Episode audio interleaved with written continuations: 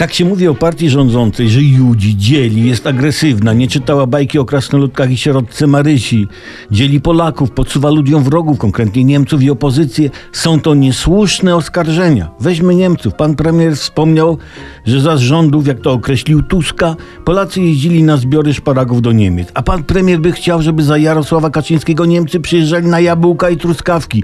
Widzicie, jaki przyjazny gest pana premiera? Troszczy się o zdrowe odżywianie naszych sąsiadów z zachodu, Niemców. Przecież i jabłka, i truskawki to błonnik, witaminy i co tam jeszcze chcesz. Piękny przykład unijnej solidarności zdrowotnej. Pan premier Morawiecki ma również ojcowskie myśli o opozycji. Interesuje go jej dobrostan, hygge nawet, jeśli ktoś wie, co to jest.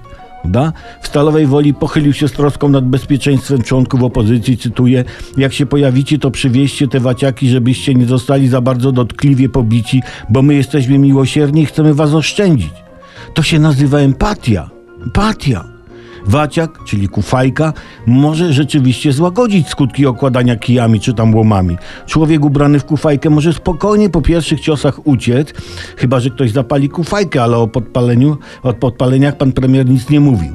I to jest różnica między prawicą a platformą.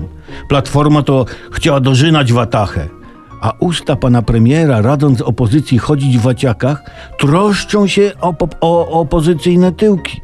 I kto jest lepszy i szlachetniejszy? No, Niemcy i opozycja powinni płakać z wdzięczności.